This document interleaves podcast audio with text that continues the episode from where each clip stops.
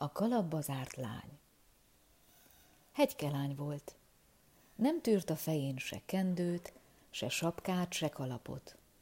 Dühönghetett a szél, eső, hószakadhatott, nem is nem.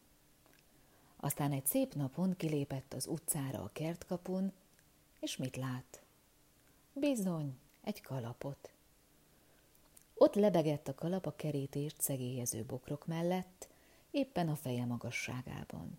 Jó formájú, fekete kalapocska volt. Jó napot, mondta a kalap. Mit akarsz? kérdezte gyanakodva a lány. Én vagyok a te kalapod, mondta a kalap. Nekem ugyan nem, tiltakozott a lány. Tudhatod, hogy soha semmiféle fejfedőt nem hordok.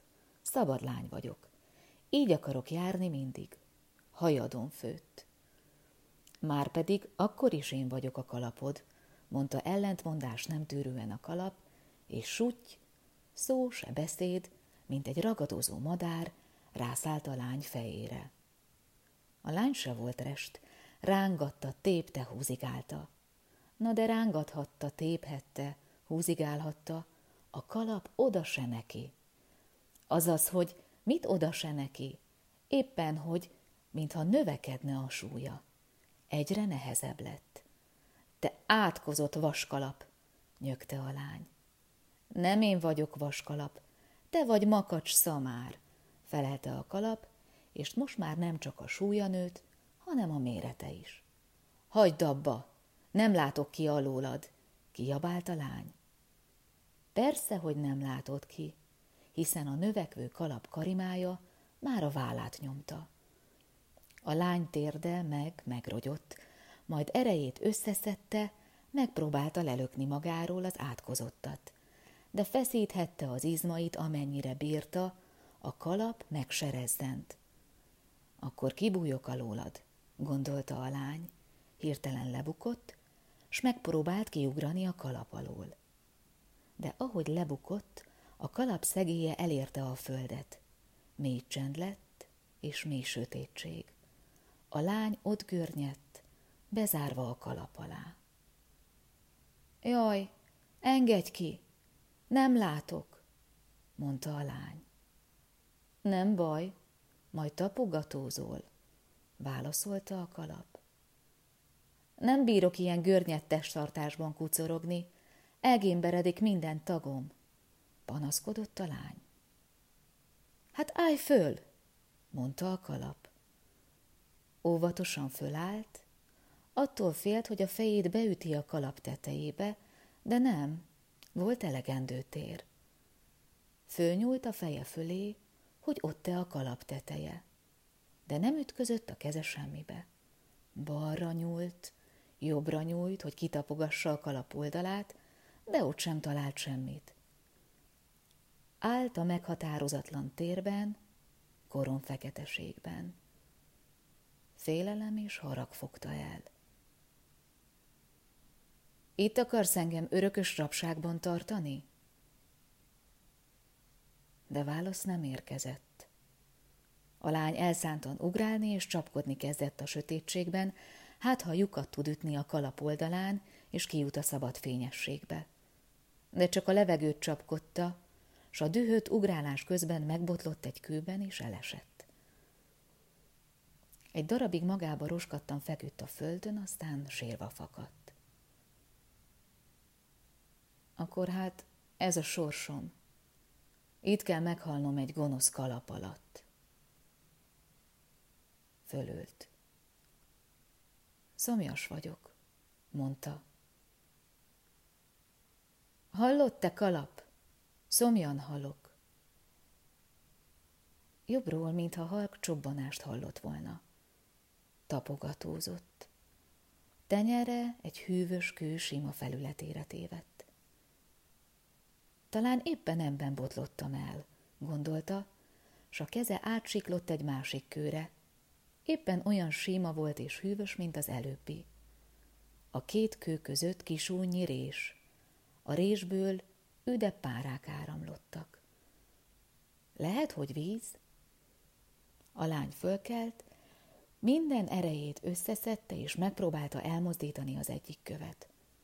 Nagyon nehéz volt, de moccant.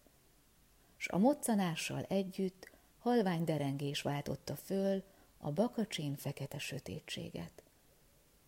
A lány meglátta, azaz inkább csak sejdítette a kezét, a két követ, s igen, a két kő alatt ott a víz.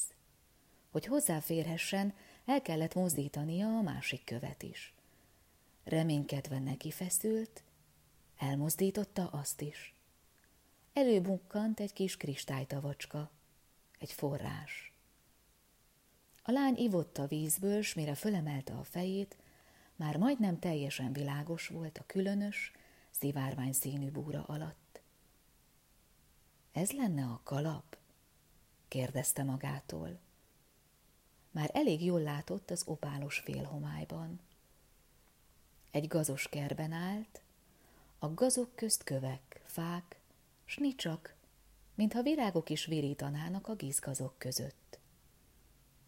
Nagy itt a rendetlenség, gondolta, és neki látott, görnyedezett, cipekedett, egy kupacba hordta a köveket.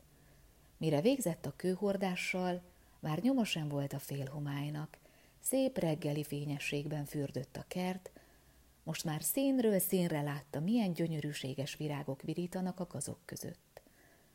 Látta fák levelének smaragd színét, s a fákon a cirmos, pöttyös, aranyló meg ezer színű, sosem látott gyümölcsöket. Fogta magát, kihúzgálta a gazokat.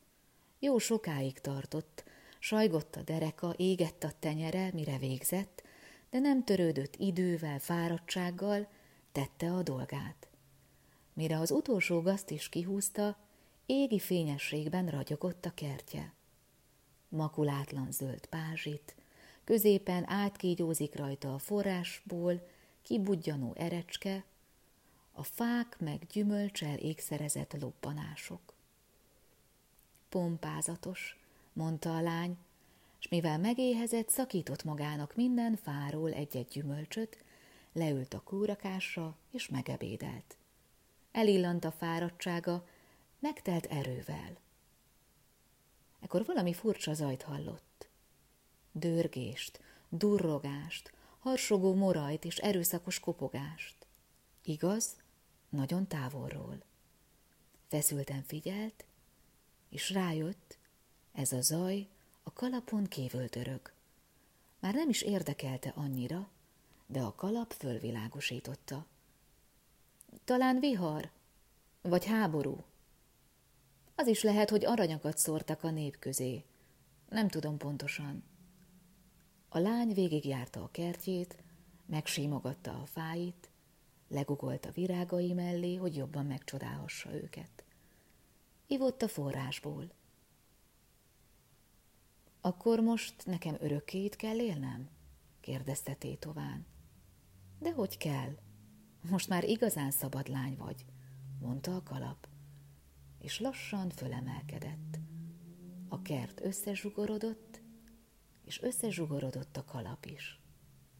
Ott állt a lány a kertkapu előtt, a kerítés cegélyező bokrok mellett a feje magasságában egy jó formájú kis fekete kalap libegett. Most elhagysz? kérdezte a lány.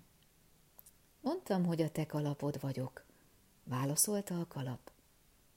A lány kinyújtotta a kezét, megfogta a kalapot és a fejébe húzta. Jó erősen, nehogy elfújja a szél. Elindult a villamos megálló felé. Amerre járt, megfényesedett az utca. Talán a kert miatt.